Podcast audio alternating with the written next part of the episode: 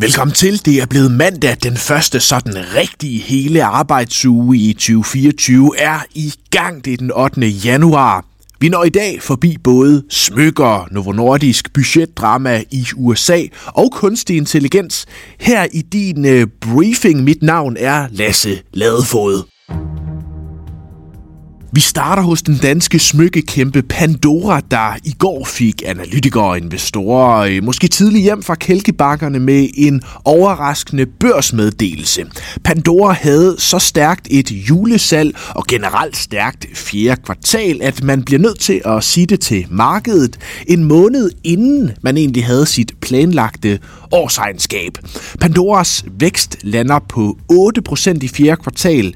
Det er højere end de 5-6%, som var den seneste udmelding. Jyllandsposten Finans har talt med Pandoras finansdirektør Anders Bøjer i går. Han siger, vi konstaterer netop nu, at vi kommer ud med 2 procentpoint vækst over vores egne forventninger. Derfor meddeler vi det, selvom det er søndag aften, siger Anders Bøjer fra Pandora til Finans til nogle erhvervsforsider her i dag. Berlingske Business bringer i dag en ny hvidvask-historie. Denne gang ikke om Danske Bank, men om den nordiske storbank Nordea. Berlingske skriver på baggrund af øh, fortroligt materiale fra Finanstilsynet, at Nordea i årvis har brudt de regler, der skal forhindre kriminelle og terrorister i at misbruge banken. Således meldte Finanstilsynet faktisk Nordea til politiet i 2016, men i dag, syv år senere, er sagen uafklaret. Og det får flere eksperter til at undre sig over, at det tager politiet så lang tid.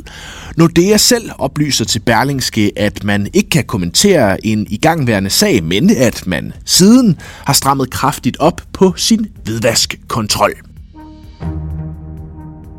Forsiden af børsen i dag kan du læse om unges valg af uddannelser. Til trods for øh, meget fokus på kønsdiversitet, så er de unge meget traditionelle, når de vælger erhvervsuddannelse. Det viser tal fra tænketanken Axel Future.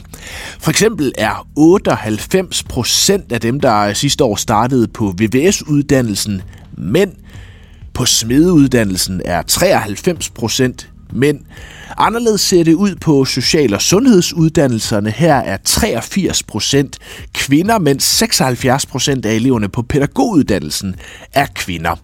Det er bekymrende, mener man hos Axel Future. Læs hvorfor i børsen i dag. Vi skal også et øh, smut forbi øh, en af weekendens mest læste historier på Borsen.dk, som ofte om Novo Nordisk, Danmarks og Europas mest værdifulde selskab. Vi er tæt på den store JP Morgan Healthcare Conference i USA, og inden da spår den amerikanske storbank Bank of America, at Novo Nordisk i år, altså i 2024, for alvor vil finde store beløb frem til opkøb. Her snakker vi øh, opkøb til over 20 milliarder dollar. Det er en del af en tendens, hvor de store medicinalselskaber den seneste måneds tid har skruet op for øh, de store opkøb.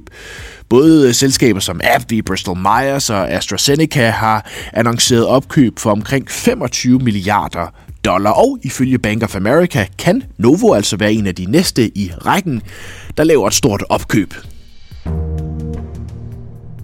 til europæisk storpolitik. Hen over weekenden, der meddelte formanden i det europæiske råd, også kendt som EU-præsidenten Belgien, Øh, Charles Michel, at han stopper før tid for i stedet at stille op til EU-parlamentet i juni, når der er valgt der. Dermed så er den store kabale om topposterne i EU skudt tidligt i gang.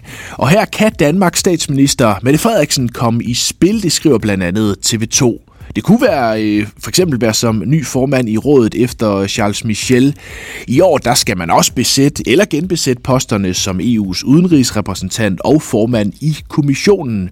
Så skal NATO øh, potentielt også have en ny generalsekretær, hvor den danske statsminister som bekendt også tidligere er nævnt. Der skal også udpeges øh, nye øh, kommissærer fra alle lande sidst på året. Fra europæisk til amerikansk politik. Søndag aften blev de to ellers meget splittede fløje i den amerikanske kongres enige om et budget for 2024. Det øh, skulle man også synes var på tide. Det er også blevet udsat flere gange. Dermed er der udsigt til, at man undgår en truende regeringsnedlukning, som ellers kunne ramme USA om et par uger. Budgetaftalen for i år er på lige knap 1,6 billioner dollar. Her går 886 milliarder altså dollar, altså over halvdelen, til militæret. Aftalen den er både klappet af hos det demokratiske flertal i senatet og det republikanske flertal i huset. Vi tager hul på en ny aktieuge efter en skidt start på 2024. Efter det rally, vi så i øh, slutningen af 23, så er investorerne kommet ned på jorden. Mål på det amerikanske S&P 500-indeks har markedet fået den værste start på et år siden 2003, skriver Bloomberg. Indekset det er allerede nede med 1,5 procent for året. Nu øh, kigger investorerne mod regnskaberne fra USA, som måske, måske ikke kan vende stemningen. Ugen her slutter af med tal fra f.eks. JP Morgan og Bank of America og flere andre United Airlines. Der kommer også øh, inflationstal fra USA i denne uge. Det kan blive afgørende for, hvad centralbanken gør på de kommende møder. I Danmark, der skal du i dag holde øje med reaktionen på opjusteringen fra Pandora, hvordan den aktie vil reagere på det. De danske regnskaber, de begynder først for alvor at komme i slutningen af januar. Hvis du skal bruge noget at lytte til efter briefingen her, så er der en ny udgave af podcasten Topchefernes Strategi ude. Nu her taler børsens chefredaktør Niels Lunde med Kate Smage. Hun er leder af den globale digitale forretning hos McKinsey og rådgiver dermed store virksomheder i arbejdet med for eksempel kunstig intelligens. Hun mener, at man som leder skal i gang for fundamentalt kan AI ændre organisationer i virksomhederne, når hver medarbejder får adgang til de store kræfter, der ligger i kunstig intelligens, i visse tilfælde superkræfter. Kate Smage mener øh, samtidig, at enhver medarbejder, måske dig, der sidder og lytter med, nu bør overveje, hvordan AI kan gøre dem bedre til netop deres opgaver. If you just think from the perspective of an individual with access to this technology, they're able to do things that they couldn't do before. They're able to do things faster than they could do before, more effectively than they could do before. And I think that is quite exciting at a very human level. Do you expect this to have organizational changes, the way that most companies are structured? Yeah, so I think um, it's easy to to think about this in boxes and lines terms, right? Uh, organizational structure uh, terms. For me, it's actually much more, the bigger change at least will be about how people work, right? So less about the boxes and lines and more about the connective tissue between different parts of organizations. Because to really make this technology work at scale, you have to be thinking, working, um, collaborating in a cross-functional way. And that is quite different to how many organizations work today in the classic sort of silo P&L based uh, way.